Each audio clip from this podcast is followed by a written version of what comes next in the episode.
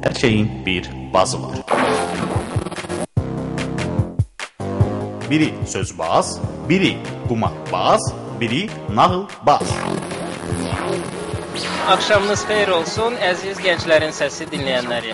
O isə texnologiya ilə maraqlananların bazıdır. Beləliklə studiyada mən, Böyük Vahid, Hər həftənin cümə axşamı texnologiya ilə maraqlananlar üçün Vahid Qasımovun təqdimatında Texno Baz.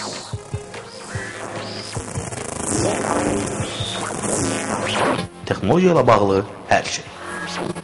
Texnobazda. salam. Hər vaxtınız xeyir olsun əziz gənclərin səsi dinləyənləri və hər cümə axşamının axşamı olduğu kimi Texnobaz verilişi yenə də efirdədir.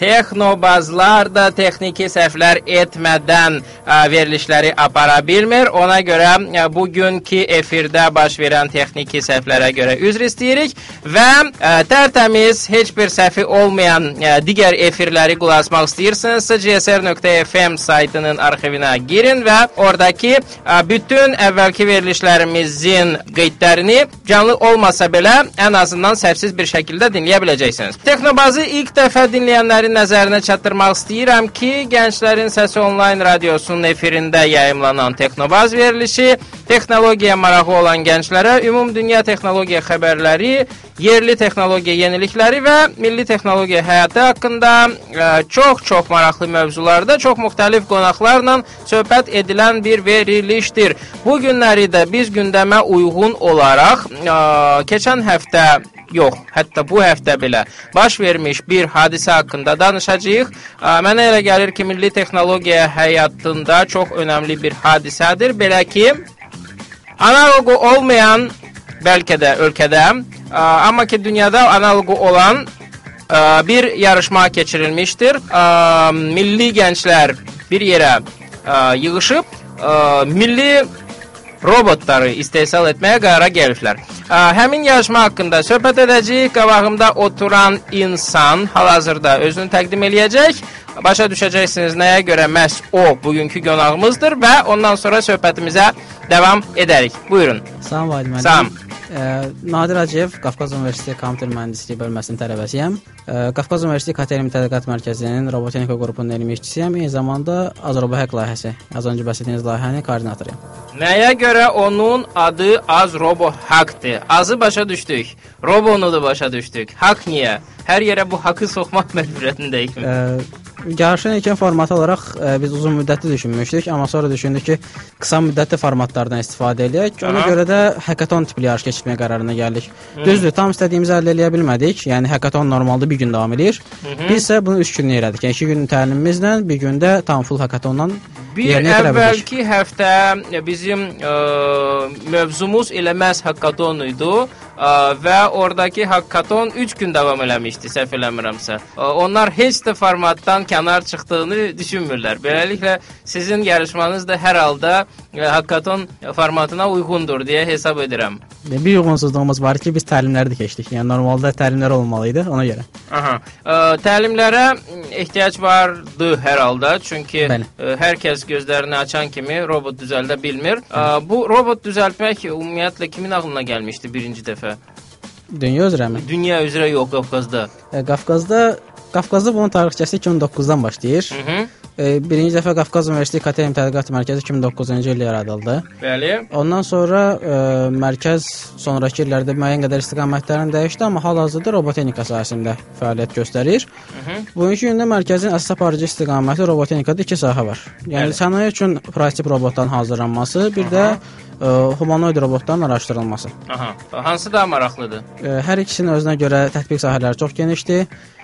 Birincisi, yəni sənaye robotlarına görə maraqlıdır ki, bu dəqiqə sənayedə çox böyük boşluqlar var. Bunları doldurmaq üçün çox gözəl araşdırma sahələri var. Hı -hı.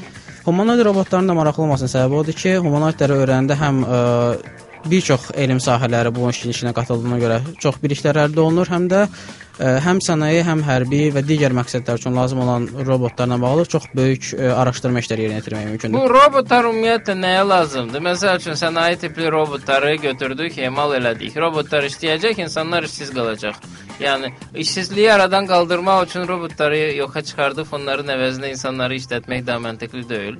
Əslində ə, robotların yaranma səbəbi insanlar özləri olublar. Çünki özləri tənbəllik edirlər, işləmək istəmirlər. Deyirlər yerimizə başqası işləsin. Biz çox işgüzar millətik. Biz tənbəl millət deyilik. Ə, Onu nəzərə alarıq, amma ə, dünya sənayesi bunu göstərir. Çünki artım çox sürətli gedir, insan artımı, insan artımı çox sürətli olduğu üçün tələbat da artır. Tələbata cavab vermək üçün də ə, ə, zavodların, fabriklərin, yəni sənayenin daha sürətli işləməsi lazımdır. Bunun da ki, sözsüz ki, artıq insan əməyini eləmək mümkün deyil. Həm də bəzi proseslər var ki, insan sağlamlığına ziyandır. Yəni temperatur şəraiti var. Bəli, bəli. Bax Ə, indi indi bir balaca mənə aydın olmağa başladı. Deməli, harda ki biz insanları zəhərləmək istəmirik, Bəli. ora robotları göndərə bilərik. Ə, bəs yaxşı, həmin şəraitdə robotların işləməsi nə dərəcədə mümkündür? Yəni yüksək temperaturlar, ondan sonra ə, yüksək rütubət və s. o onların robotların sağlığına ziyan deyilmi? Xarici təcrübə göstərir ki, xeyr, heç bir problem yaranmır. Yəni müəyyən meyarları nəzərə alaraq robotları hazırladıqda bu tip problemlər rast gəlinmir. Demək olar ki, mənfi 80 dərəcədən müsbət 120 dərəcəyə qədər normal temperaturda işləyən robotlar var. Bununla yanaşı, yəni bunlar normal standart robotların hər birinin tələbatıdır. Hı -hı. Amma xüsusi şəraitlər üçün, yəni e, polad əritmə zavodlarında olsun, ağır metallurgiya sənayesində olsun və digər yerlərdə olsun, çox yüksək temperaturlarda işləməyə davamlı olan robot qollardan və digər sənaye robotlarından istifadə olunur. Ə, belə bir ə, arzu mu deyək, yoxsa məqsəd mi deyək? Yəni məqsədiniz nədir? Tutalım ki, sənaye üçün hazırlanan robot prototiplərini Azərbaycanda hər hansı bir yerdə tətbiq etməkmi, yoxsa elə bir prototip hazırlamaq hansı ki, ümumiyyətlə dünya miqyasında istifadə oluna bilər? Yəni məqsədiniz nə dərəcədə yüksəkdir? Sənaye üçün hədəfimiz sözsüz ki, öncə Azərbaycan bazarının tələbatını ödəyib, sonra dünya bazarına çıxmaqdır. Bu dəqiqə biz ə, İnformasiya Texnologiya Nazirliyinin fondunun e-grant layihəsi var. Hı -hı. Biz o layihəyə ə, Azərbaycan sənaye robotlarına bağlı bir layihə göndərmişik. Yəni onun qəbul olmasını gözləyirik. Bununla yanaşı bildiyiniz kimi Qafqaz Universitetinin Texnopark fəaliyyət göstərir. Hı -hı. Bu Texnoparkda bəzi şirkətlər var ki, bu sənayeyə maraqlıdırlar və biz artıq o şirkətlərlə paralel olaraq müəyyən elmi araşdırma işləri həyata keçiririk, müəyyən bazar araşdırmaları aparırıq, tələbatlara baxırıq. Bax, bazar araşdırmaları nəticəsində Azərbaycanda tələbatı olan ə, hansı sahədə robotlara ehtiyac hiss olunur? Azərbaycanın əsas bu dəqiqə qida sənayesində ehtiyac var. Qida sənayesinin tələbat böyük olduğuna görə onlarda müəyyən avtomatlaşdırma proseslərinə ehtiyac var. Məsəl üçün. E, məsəl üçün Azərsun şirkətində, Coca-Cola şirkətində müəyyən bu tür problemlərlə Yəni birəbir mən rastlaşmışıq. inanmaram ömründə ki, Coca-Cola'da tutalım ki, butulkaların bağlanması üçün xalalar dayanıb orada əllə onu bağlayırlar. Butulkanı bağlamaq üçün deyil o, amma yüklərin paketlənməsi, ümumi paketlənmə hələ də istifadə o şəkildədir. Aha. Paketlənmə nə dərəcədə əhəmiyyətli bir məsələdir məsələn kola üçün?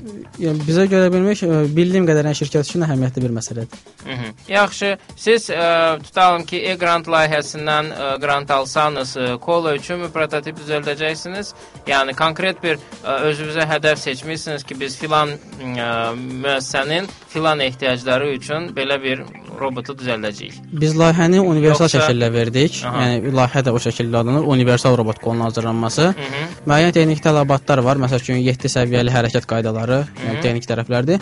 Biz tam bunlara cavab verən bir robot prototipi hazırlamaq fikrindəyik. Yəni bu robot prototipini siz müəyyən temperatur davamlılığını və yaxud da başqa davamlılıqları nəzərə alaraq bütün sənayelərdə istifadə edə biləcəyiniz bir prototip olacaq. Yəni bu dəqiqə robot qollarda bir gözəllik odur ki, robot qolların qol hissəsi stabildir, amma ucluqlar dəyişir. Məsəl üçün sənayedə tutalım qida sənayesində başqa başlıq istifadə olunur. Ə, maşın sənayesində başqa başlıqlar istifadə olunur, deşmək üçün və yaxud da hər hansı bir vinti bağlamaq üçün. Yəni başlıqlar dəyişir. Yəni qol stabildir. Mhm. Bəs yaxşı, ümumiyyətlə hə, robot düzəltməyi üçün hansı mərhələlərdən keçmək lazımdır ki, bu artıq hər hansı bir faydalı iş görə bilsin? Yəni bütün hər şey nədən başlayır? Bütün hər şey istəkdən başlayır belə deyək və hə hədəfdən başlayır. Tutalım ki, mənim dəhşətli dərəcədə istəyim var. Ə, sonra nə etməliyəm? Hədəf seçməlisiniz ki, bu dəqiqə robotexnikanın hansı bazarına gəlsin. Çünki robotexnika artıq necə ki 5-10 il öncə kompüter mühəndisliyi çox birdən çox parçalandı, geniş bir sahəyə çevrildi. Hal-hazırda robotenika dünya səviyyəsində çox geniş bir sahə şəklində Bax, qarşılanır. məsəl üçün mən kompüterdən işlədiyim vaxtı mənim robota ehtiyacım var, hansı ki, arxamda dayanıb məni masaj eləyəcək. Yəni belə bir şey qurmaq istəyirəm. Nədən başlamalıyam mən? Hansısa hi- hissələri almalıyam hardansa və ya necə onları sifariş vermək lazımdır ya da özünüz düzəldirsiniz onları. Yəni İki cür istiqamət var. Bir hobi şəklində məşğul olan şəxslər var, bir də tam araşdırma şəklində. mənə məşğul elə gəlir ki, bu masaj robotu bir xeyli rəğbət görüləcək əgər olsa belə bir şey. Hə. Və Yəni hobi kimi məşğul olanlar ə, əsasən Arduino bordları var, hazır motorlar. də bir də o nə nə nə nə nə Arduino e, şirkətinin istehsal elədiyi hazır proqramlaşdırma lövhələri var. Yəni Aha. bunun artıq texniki dərinliyə girməyə ehtiyac yoxdur. Qəşəng proqramlaşdırma dilləri də var, çox rahatca. Yəni Bütün- proqramlaşdırmadan mı başlayır robotun emalı? Xeyr, elektronikadan başlayır tam dərinliyi. Yəni sıfırdan başlayır, elektronika ilə başlayır. onun mexanikası əsas məsələ. Mexanikası Mexanik hissələri necə emal eləyirlər, necə fikirləşirlər onlar e, ümumiyyətlə. dəyişir, baxır layihələrə. Məsəl üçün Yəni məsələn sizin qolunuz universal qol, o masaj eləyə biləcək onun başlığını dəyişdirsək. İnşallah eləyəcək. Aha, lap yaxşı. Nəzərə alın zəhmət olmasa. Tamam. Hə, onun hissələrini necə kim emal eləyir, hardan sifariş eləyirsiniz? E, biz bu dəqiqə onun hissələri üçün bir böyük bir araşdırma elədik. Aha. Motorlar sözü ki alınacaq. Mhm. Çünki elektrik motorunu Azərbaycan istehsal etmək biraz səmərəli deyil. Mhm. E, digər mexaniki hissələr, yəni dəmirdən və digər metallardan hazırlanan hissələrdir. Bunlar xaricdən alınacaq birinci prototip üçün. Mhm. Daha sonra yerli müəyyən zavodlar var. Onlarla razılaşıb da işi davam etdirəcəyik. Hal-hazırda bizə konsultasiyada sağ olsun Boğaziçi Universitetindən dəstək alırıq. Mhm. Onlarla paralel aparırıq bu işi. Ona görə də müəyyən texniki çətinliklərimiz onlar bizə kömək Ya edirlər. başa düşdüm artıq robotun 3 dənə hissəsi ortaya çıxdı. Bir dəmir dümürü, Bəli. Ə, Ondan sonra motorlar, hansılar ki. Azərbaycanda hə şeyləmir, emal olunmur. Bir də ki, hansısa elektron hissələr. Başqa nə lazımdır? E, Beynəlxalq olaraq robotları üç hissəyə bölürlər. Birincisi sensorlardır, yəni ətrafdan məlumatı qəbul edənlər. Mhm. İkincisi bunu proses edən hissədir, yəni beyin. Mhm. Biz biriktiririk ona. Bir də üçüncü hissə aktivatorlardır. Yəni az öncə dediyiniz motorlar. Mhm. Əsas bu hissədir. Amma Aha. bunların hər birini təşkil edən hissələr var. Sensorlar üçün müəyyən e, dielektriklərdən istifadə olunur, müəyyən elektron e, avadanlıqlardan istifadə olunur. Aktivatorlar üçün hidravlik motorlardan istifadə olunur, elektrik motorlardan istifadə olunur. Baxır, yəni görəcəyiniz spesifik bir işə. Masaj. Məsəl üçün hər hansı bir böyük ağırlıqlı bir iş görülürsə, yəni söhbət tonnajlardan gedirsə, burada sözü ki, elektrik motoru işə yaramayacaq. Bunun üçün mütləq hidravlik motor lazımdır. Mhm. Amma e, kiçik işlərdə elektrik motorlarından istifadə olunur. Mhm. Lap yaxşı. Bəs onun bu elektronikanın proqramlaşdırması necə baş verir? O çətin bir şeydirmi, yoxsa 3 gün ərzində məsələn hackathona gələrək onları öyrənmək mümkün idi? Yəni nəticələr nə göstərir? Sizin yarışmada neçə nəfər iştirak eləyib? Neçə Ee, komanda iştirak eləyib? Tam başdan başlasaq, ə, qeydiyyat 14 apreldən başladı. O tarixdən 27 aprelə qədər Mhm. 55 komanda qeydiyyatdan keçdi. Və biz o komandaların hər birinə ə, avtomatik mail göndərirdik ki, yarışda iştirak etmək üçün müəyyən kriteriyalar var. O kriteriyalara cavab verən 43 komanda oldu. Hansı hansı kriteriyalar idi onlar? Soruşmaq ayıb olmasın. Müəyyən ə, başlanğıc biliklər demiş ki, proqramlaşdırma biliklərinizin yoxlanması üçün bu şəkildə test olunacaqsınız, elektronik bilikləriniz üçün bu şəkildə test olunacaqsınız və s. Bu şəkildə məlumat verildi və buna razı olan 43 komanda oldu. Okay, ondan sonra testlərdən Ondan sonra keçib? testlərdən birinci proqramlaşdırma testi oldu. Yəni bizim ECM-çilərin məşhur E-Olimp veb səhifəsi var. Proqramlaşdırma sualları. Orada bəsit proqramlaşdırma sualları ilə biz 34 komandanın yarışda iştirakını gördük və bu komandalardan qoyduğumuz bariyeri, yəni 1000 bal qoymuşduq bariyer, keçən 21 komanda oldu. Aha. Bu 21 komandandakı elektronik biliklərini və mexanika biliklərini yoxlamaq üçün hamısı canlı və yaxud da Skype-dan elektron şəkildə intervyu oldu. İntervyu nəticəsində də 10 komanda seçildi. Və bu komandanın içərisindən Qafqaz Universitetindən, Baş Dövlət Universitetindən, Azərbaycan Neft Akademiyasından, Texniki Universitetdən, Milli Aviasiya Akademiyasından tələbələr var idi. Hər komandada neçə nəfər iştirak Hər edir? komanda 2 nəfərdən təşkil olunurdu. Universitet cəhətdən limit yox idi. Yəni bir tələbə bir universitetdən, digər tələbə başqa universitetdən olan komandalarımız çox idi. Mhm. Yaxşı, bu ə, uşaqlar gələndə onlar ümumiyyətlə ə, hansı gözləntilərdən gəlmişdi və nə dərəcədə onları siz ə, doyura bildiniz onların bu istəklərində? İstəkləri biz uşaqlardan başdan yəni onu anlatmışdıq ki, biz ə, sıfırdan robot yığmaq deyil də ə, Lego setləri var. Hı -hı. Lego Mindstorm setləri. Biz o Bu setlərdən bizim bildiyimiz Lego. Bəli, bizim bildiyimiz Balaca uşaqlar üçün nəzərdə Bəli, tutulmuş. ə, Onlardan robot yığmaq olar. Ə, Bəli, Lego şirkətinin ə, 2004-cü ildə başladığı bir layihədir bu. Ə, Lego robotları. İlkin hədəf olaraq uşaqlara ə, məntiq öyrətmək üçün bunu istehsal etməyə başlamışlar, amma daha sonra gördülər ki, konstruktor şəklində olduğu üçün istənilən dizaynı yığmaq olur. Yəni istədiyiniz prototipi, istənilən avadanlığı bundan yığmaq mümkündür. Ona görə də mühəndislər onun üçün müxtəlif proqramlaşdırma dillərində dillər yazdılar.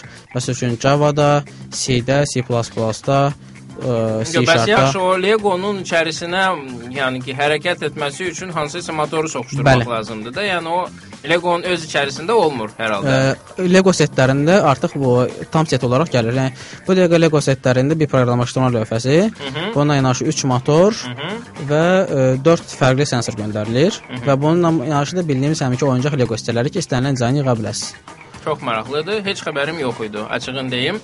Lego-dan gözləməzdim. Deməli siz Lego-dan həmin universitet tələbələrinə robot yığdırmısınız Bəli. və ondan sonra proqram yazdırmısınız. Bəli. Proqramı nəsə hansısa xüsusi dildə yazırlar, yoxsa bildiyimiz bu C, ondan sonra nə bilim. Java dili üçün hazırlanmış ayrıca Legos paketi var. Hı -hı. Le Java Operating System, Legolar üçün Java Operating System anlam verir. Hə. Bu paket bildiyimiz Java-nın bütün məntiqlərini özündə birləşdirir və roboteknikada lazım olan əsas əmrləri saxlayır. Məsəl üçün motor.a.forward, yəni bəsit bəsit əmrlərdir. Aha. E, bu əmrlərdən istifadə edərək özünüz artıq öz robotunuza görə Motoru başa düşdük, forwardı da başa düşdük. A nədir? e, bir robotda bildiyim qədər 3 motor var. Aha. Motorlar da hərflərlə ifadə O olunur. A motoru. A motoru, B motoru, C motoru. Aha, aydındır, başa düşdük. Ə, hansı deməli belə deyək də məni daha çox maraqlardı, maraqlandırır e, işin praktiki hissəsi. Ə, deməli, ə, bu 10 dənə komanda Ə, hərəsi hansı robotu yığmışdı? Yəni robotlar nəyə oxşuyurdu ümumiyyətlə? İtə, insana, maşına, tanka? Yəni ki, və nə işlər görürdü həmin Fə robotlar? biz fərqli nəticələr gördük. Düzünü desəm gözlədiyimdən artıq nəticələr gördüm. Çünki bu Azərbaycanın birinci dəfə idi belə bir iş olurdu və belə bir nəticə gözləmirdik.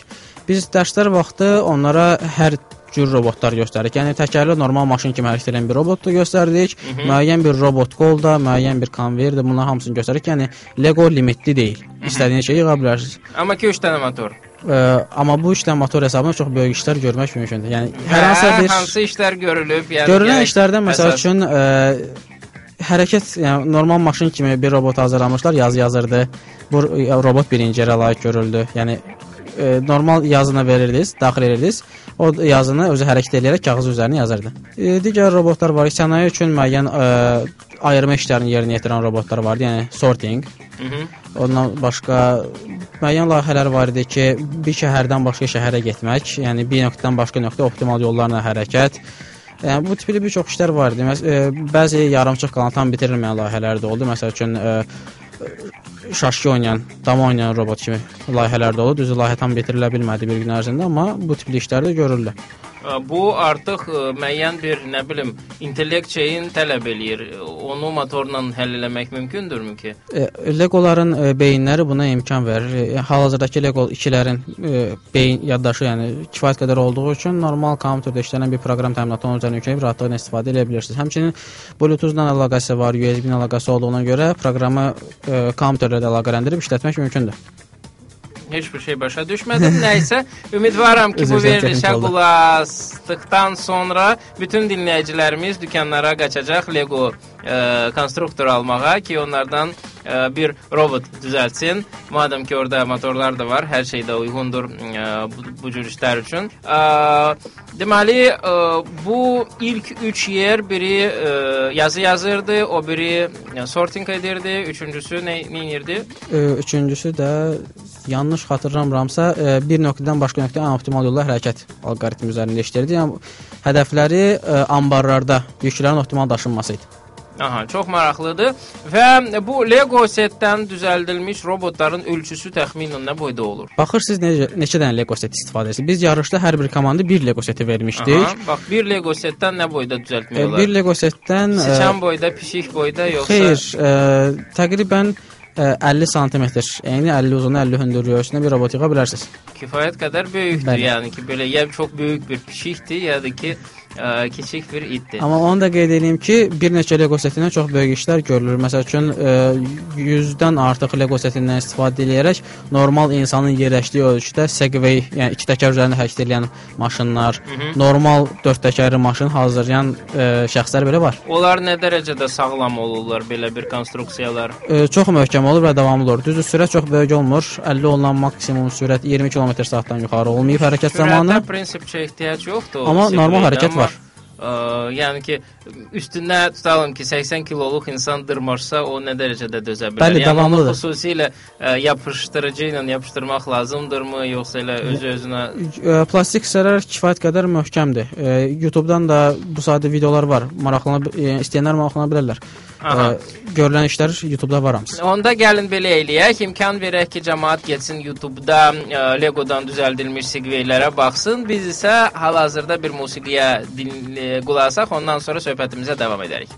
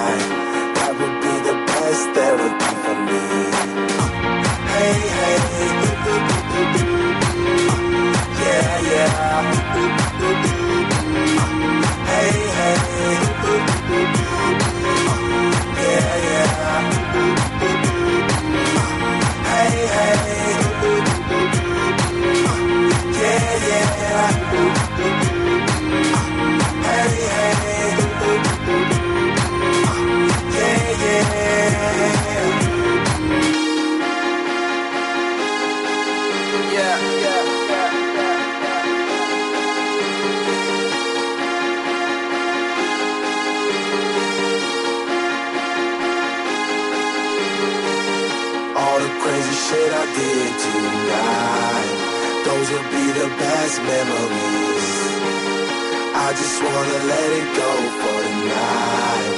That would be the best therapy for me. All the crazy shit I did tonight, those will be the best memories. I just wanna let it go for the night. That would be the best therapy for me. Hey, hey. Yeah, yeah.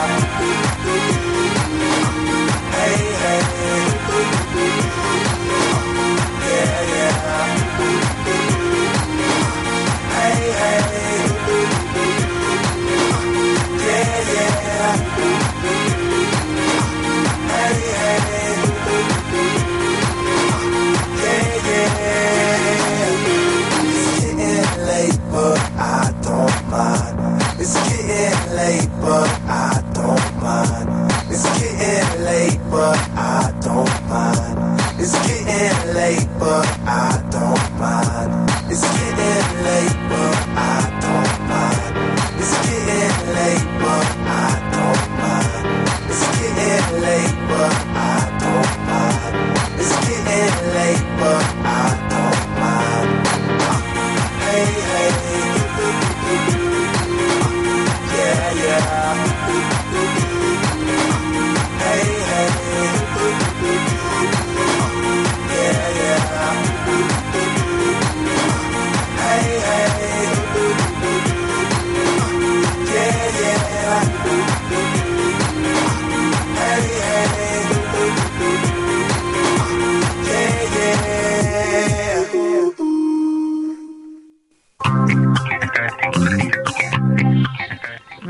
söhbətimizə davam edirik. Bizi başdan bəri qulaq asanlar bilirlər ki, biz bu günləri milli robotlar haqqında danışırıq. Hə, Azərbaycanda robotlar var imiş.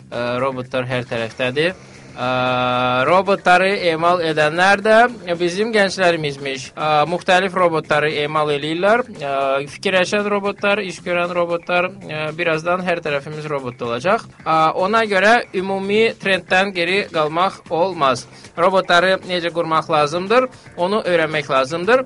Ona görə də ona görə də növbəti sualım bundan ibarətdir ki, ə, bu işi ə, belə deyək də samballı səviyyədə öyrənmək üçün nə qədər vaxt lazımdır? Yəni 3 günlük hakkaton kifayətdirmi? Bundan sonra sizdən tutalım ki, ilk yerləri tutan insanlar ə, gələndə nə dərəcədə hazırlıqlı gəlmişdilər? Onlar əvvəl məsələn hansısa robot düzəldib gəlmişdilər yarışmaya, yoxsa birinci dəfə görmüşdülər belə bir şey?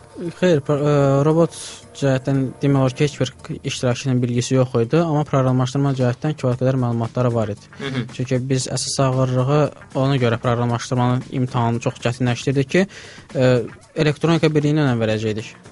Bunun nəticəsində gördük ki, elektronika birliyi zəif olan, amma proqramlaşdırması güclü olan çox komandalar var. Yəni bu bu dəqiqə Azərbaycanda roboteknikada ən böyük problemdir. Mexaniki və elektronika bilikləri zəifdir, amma proqramlaşdırma bilikləri güclüdür. Biz ona görə təlimləri 2 gün ərzində davam etdirdik ki, tələbələrə robotların yığılması, dizaynla bağlı olan dərsləri keçək. Proqramlaşdırma çox böyük zaman almış. E, əgər sıfırdan başlayan birisi üçün biz bu dəqiqə robotexnikanı öyrənmək üçün bizdə hal-hazırda İKTM Tədqiqat Mərkəzində hazır bir proqram var. Bu 1 ay davam eləyir.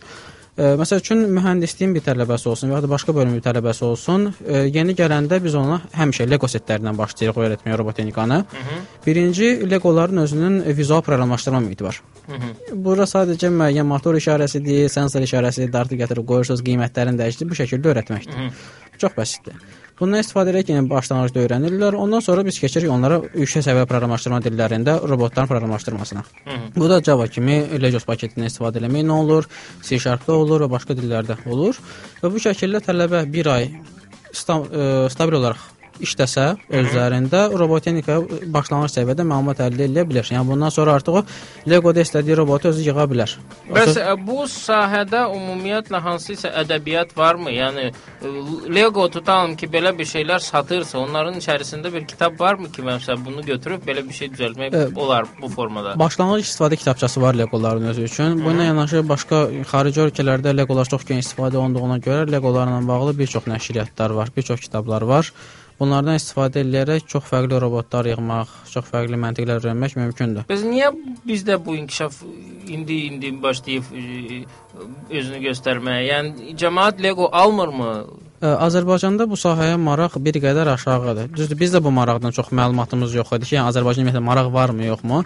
Biz e, 2010-cu ildən robotexnika sahəsində fəaliyyətə başlayanda 2013-cü ilə qədər qapalı fəaliyyət göstərmişdik. Yəni bizim əsas sahəmiz araşdırma idi. Biz kim göz Ə, dəyməsin. xeyr, sosial media ilə çox da əlaqəmiz yox idi. Ə, əsas işimiz elmi araşdırma idi. Amma 2013-cü ildə biz Bakıda sərgisinə birinci dəfə qatılanda ə, Azərbaycanda bu sahəyə marağı gördük. Gördük ki, maraq tələbatı var, amma bilgi çatışmazlığı var. Bu böyük bir problem oldu. O qatıldığınız şey nə idi o? Həmin Bakıtel ə, telekommunikasiya sərgisi idi. Hı -hı. Ə, Biz ora qatılmış birinci universitet idik. Ondan sonra İNEPO sərgisində də yaşıl texnologiyada robotların tətbiqi ilə bağlı iştirak elədik. Orada da Azərbaycanda robotexnika olan marağı gördük və artıq qərara gəldi ki, bu sahədə Azərbaycanda maraqlı olan tələbələri yığmaq lazımdır. Ona görə düşündük ki, bir yarış keçirək. Sağ olsun bu yarış keçirilməsində bizə dəstəklər çox oldu. Həm universitet, həm Qafqaz Universitetinin Texnoparkı təşkilat cəhətdən bizə çox dəstək oldu.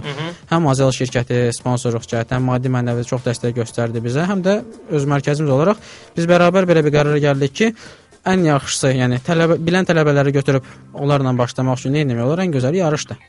Biz ona görə düşündük ki, qısa format necə tutaq ki, ən e, necə başlanğıc üçün ən güclüləri seçək, daha sonra digərlərini də öyrədək və düşündük ki, hakaton formatı ən uyğundur. Belə bir qorxu yox idimu ki, tutalım ki, ümumiyyətlə ə, təşkil etdiyiniz ə, imtahanlardan heç kim keçməsin və ya keçsələr belə ondan sonra bacarmasınlar və ortada heç bir şey olmasın, ortaya bir şey çıxmasın.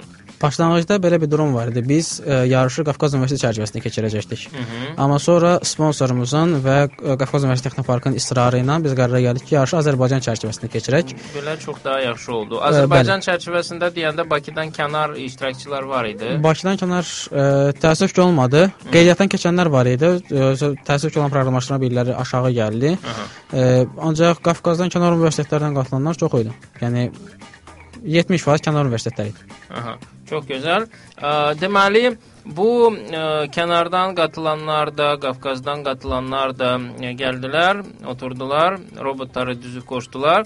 O ə, hazırladıkları robotların axırı nə oldu? Onlar Qafqaz Universitetində mi qaldı, yoxsa iştirakçılar özləri ilə mi aparıblar? Ə, robot setlərin qiyməti Azərbaycan gəlib çıxması təəssüf ki, baha baş gəlir. Yəni normal Lego setinin birini almaq xarici 350 dollardır, amma Azərbaycandan birinin gəlib çıxması 600 manat civarına baş gəlir. Aa, indi aydın oldu nəyə görə onları almırlar bizdə? Çünki kifayət qədər bahaymış. Bəli, təəssüf. Aa, aydındır, aydındır. Növbəti dəfə xaricə çıxdığımız vaxtı gedib baxacağıq, Lego setlərini almağa çalışacağıq ki, heç olmasa əlimizdə olsun. Uşaqlarımız ə, onlarla nəsə bir iş görə bilsinlər. Və ə, bu bahalı qiymətə aldığınız bu logo setləri ondan sonra təbii ki, saxladığınız universitetdə. Universitetdə qalıb biz bütün ə, komandalarla bu şəkildə razılaşdıq ki, layihələrinizi davam etmək istəyirsinizsə, hamınızı universitetə dəvət eləyirik və yığdıqları dizaynda toxunmasınlar. Hı -hı. Yəni Lego setləri elədir ki, bir şey söküb başqa şey yığmaq mümkündür. Ona görə istəyənə sökə bilər. Elə komandalar var ki, razılaşdılar ki, davam elətdirəcəklər. Onları robot setlərini özləri saxladılar və artıq onlarla kontaktda keçmişik, artıq davam elətdirirlər. Hı -hı. Elə komandalar var ki, deyirlər, xeyir, biz də müəyyən səbəblərdən dolayı hələ ki davam elətdirə bilməyəcəyik, sonra qatılacağıq. Məsələn, elə komandalar olurlar ki, imtahan sessiyamız var. Eləsi ki, marağımız o qədər də yoxdur, sadəcə həvəsə görə qatılmışdıq. Yəni fərqli-fərqli səbəblərlə yayınanlar oldu, amma qatılanlar da oldu. Yəni biz istədiyimizi aldıq. Onsuz da hədəfimiz bu sahəyə marağı olanları cəlb eləmək idi. Cəlb eləyə bildiniz. Kifayət qədər. Kifayət qədər cəlb eləyə bildik. Düzdür, ə, Azərbaycandakı bu dəqiqə kompüter mühəndislərinin sayını götürəndə yenə də azdır. Hı -hı. Amma bir ilk üçün məncə kifayət qədər böyük rəqəmdir. Aa, Bu ilk üçə qatılanlara oxuduğum qədərilə müəyyən bir ə, mükafatlar var idi. Bəli. O mükafatları ə, pul şəklindən vermisiniz. Onun əvəzinə tutalım ki, Lego set hədiyyə eləsəydiniz, mənə elə gəlir ki, onlar üçün daha cazib gələrdi. Ə, mükafatlandırma ə, sonradan müəyyən sürprizlər də oldu. Bizdə başlanğıcda 3 yer idi, 3 komanda olacaqdı. Sonunda biz qərara gəldik ki, 3-cü il 2 komandanı layiq görək. Aha. Çünki görünən işlər çox gözəl idi.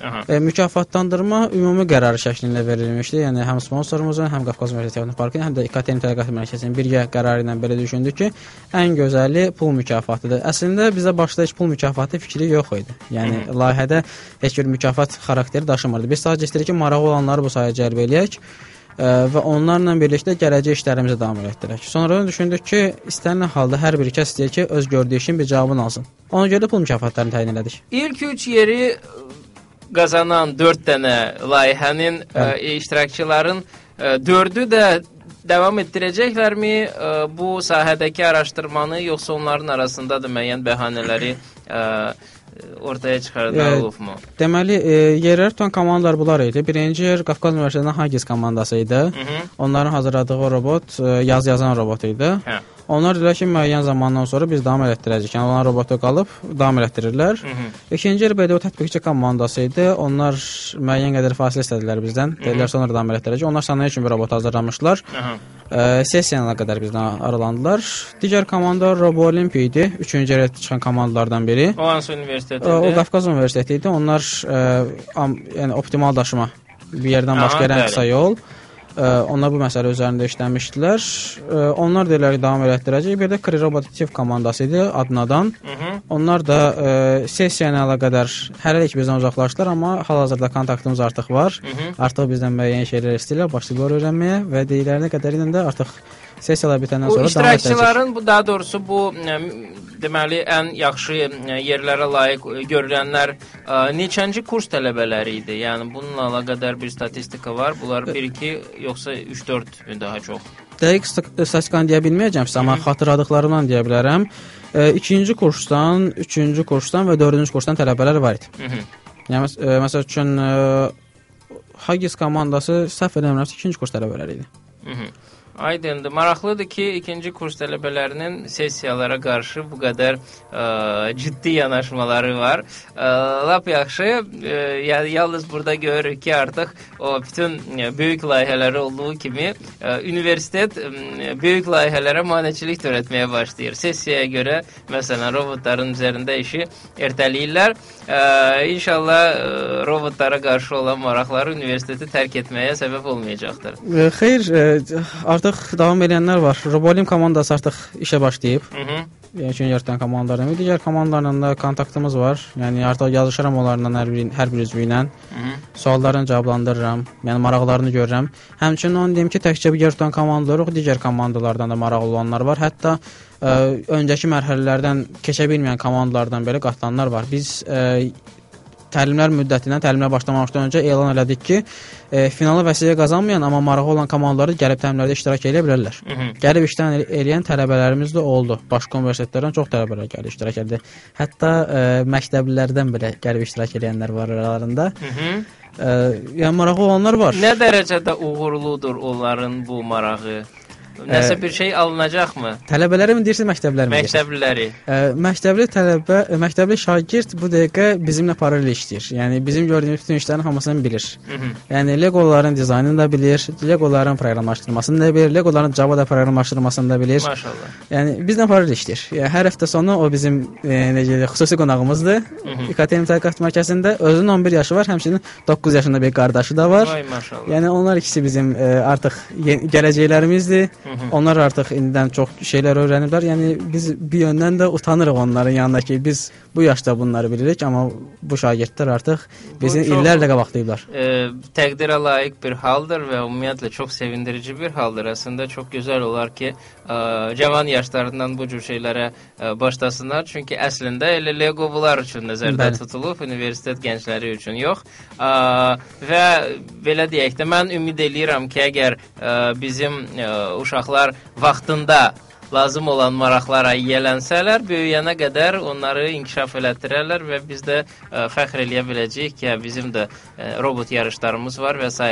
Hə, robot yarışları ə, deyəndə bu yaxınlarda elə ə, bu günləri ə, İKT News portalında oxudum ki, Qafqaz Universitetindən bir komanda ə, beynəlxalq yarışlara ə, qatılıb. Bununla əlaqədar bir balaca məlumat versəniz.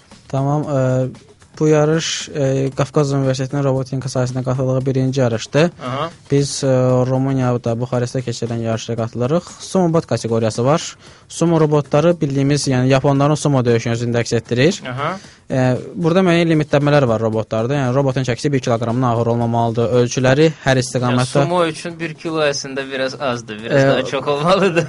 E, mini sumo gedir bu yarışla da. Mini sumo yarışı gedir. Aha. Həminki bu yarış. O, burada da müəyyən limitləmələr qoyulur. Çünki limit qoyulmayanda həddindən artıq böyük robot hazırlayan komanda səsi qabil gələcək.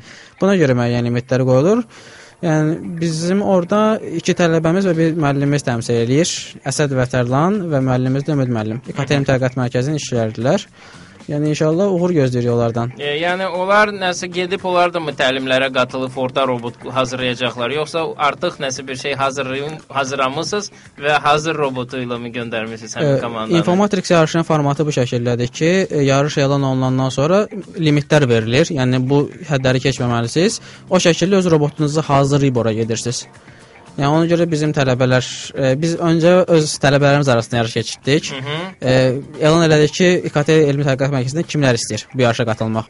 4 tələbə istədi qatılmaq və dedik ki, hər tələbəyə bir Lego seti veririk. Bu setdən universal sumo robotunu hazırlayın. Birinci yerə çıxan iki komanda, yəni ilk yer tutan komandalar Rumeniyadakı yarışa qatılacaqlar. Hı -hı. Bu 4 tələbə yarışdı öz arasında və o tələbələrdən ilk yer tutan Əsəd Məmmədovla Tərlan ə, oldu və onlar daha sonra başladılar öz robotlarını təkmilləşdirməyə. Yəni öncəki yarışların, öncəki illərdə olan yarışların bütün videolarını YouTube-dan izləmək mümkündür. Həmçinin Informatrix sözdə bu resursları verir. Öncəki illərdəki robotları hazırlayaraq onlara qarşı mübarizə aparmağa başladılar. Onlara qalib gəldilər. Yəni öz robotlarını getcə universallaşdırdılar. Və indi də gediblər Rumuniyada yeni robotlarla güləşməyə. Uğurlarını gözləyirik inşallah. E, inşallah, yəni şanslarını nə qədər e, yüksək qiymətləndirirsiniz? Ə, ötən illərdəki hazırlanmış bütün robotlara qalib gəlib. Yəni biz o robotların hamısını bircə-bircə düzəltdik və test elədik. E, yəni bugünkü robotdan keçən ilə keçən il qatılsaydınız birinci olardınız, hə? O 100%-dir. Ə, Bu ilkində də ümidlər böyükdür, çünki bəzi fərqli modellər də hazırlayıb özümüz üstündə işlədik. Mhm. Uğurlu nəticələr verdi.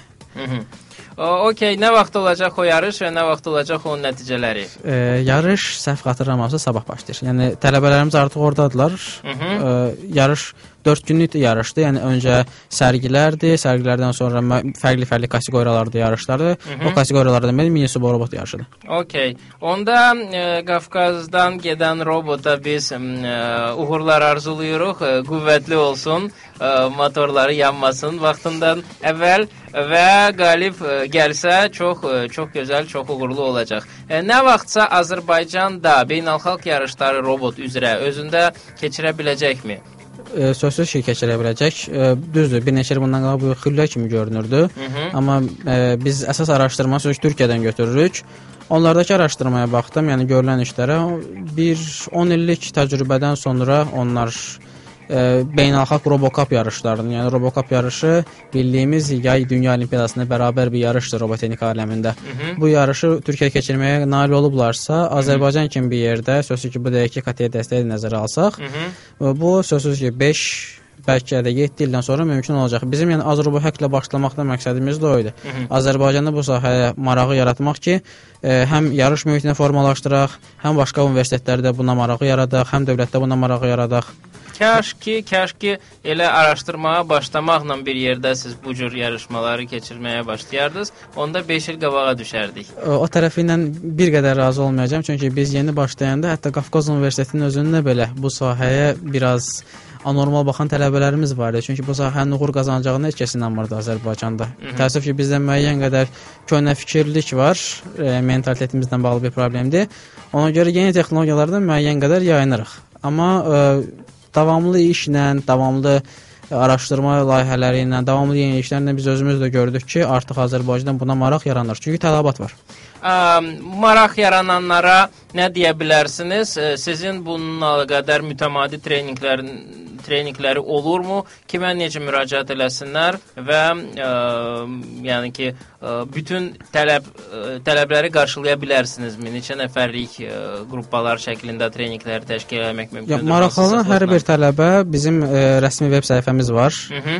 O, o veb səhifədən bizim haqqımızda məlumat əldə edə Rəsmi bilərlər. veb səhifənin ünvanı E, ictsrc.org-dur. Yəni Oy. onu yazılı şəkildə sizə verərəm. hə, E, ictsrc.gu.org. aydındır. Ə, Siz onu bir balaca belə robo.azrobo.com alsanız o çox daha Ə, ə, belə ə, yadda qalan olacaq deyə Biz düşünürəm. e, adı mərkəz qurulanda qoyulmuşdu. Mərkəz ICT Scientific Research Center of Qafqaz University, yəni Qafqaz Universitetinin İKT elmi tədqiqat mərkəzidir. Aydındır. Onun akronimi qısalışıdır. Hı -hı. E, sözsüz ki, e, domain Azərbaycan versiyasında almaq fikrimiz var. O, yəni Azərbaycan daha sözsüz ki, bu sahənin inkişafını istəyirik. Bəli. Yəni e, oradan da bizim haqqımızda məlumatlar əldə edə bilərlər. E, Bununla yanaşı Facebook səhifəmiz var, Twitter feedimiz var, YouTube kanalımız var. Gördüyümüz işləri oradan da izləyə bilərsiniz. E, Google Plus səhifəmiz də var. Yəni gördüyümüz işləri artıq sosial mediada tamamilə paylaşırıq ki, Okay, maraqlananlar baxa bilsin. sosial şəbəkələrə sizi tapmaq ə, mümkün qədər daha ə, asan olacaqdır və ümidvaram ki, ə, bu verilişdən sonra müraciət edənlərin sayı da artacaq. İnşallah. Son dəqiqələrimizdir. Zəhmət olmasa bununla maraqlanacaq və ya maraqlanmaq istəyən və ya marağı yaranmış insanlara arzularınızı söyləyin və bununla da verilişimizi bitirək. Onu deyə bilərəm ki, bu sahə Azərbaycanda bir qədər yeni olduğu üçün çox çətin bir sahədir. Çünki çoxları bu sahədən qorxurlar, bazar ə, payını bilmirlər. Amma onu demək istərdim ki, bu sahədə Azərbaycanın bu dəqiqə böyük boşluqlar var, böyük tələbatlar var. Böyük ə, şirkətlərdə, zavodlarda, hətta kiçik ə, zavodlarda, ə, sənaye avadanlıqlarında belə çox böyük problemlər var. Bunların həllinə Azərbaycanda ehtiyac var və bunu bazar tələb eləyir. Yəni bu sahədə artıq sizə ehtiyac var. Yəni bu sahəyə maraq olanlar artıq düşünməsinlər ki, biz bu sahəni öyrənəndən sonra nə olacaq? Yəni bu sahəni öyrənən hər bir mütəxəssis artıq Azərbaycan özü üçün kifayət qədər iş tapa biləcək. Əgər yeni başlayırsınızsa, ə, bizim başladığımız yolla da davam edə bilərsiniz. Yəni Legolardan başlayaraq robotları öyrənə bilərsiniz. Bu ən gözəl yoldur. Okey, ən gözəl yolu hamının tutmağa niyyəti ilə e, və gələcək verilişlərdə görüşmək ümidi ilə. Çox sağ olun. Sağ ol.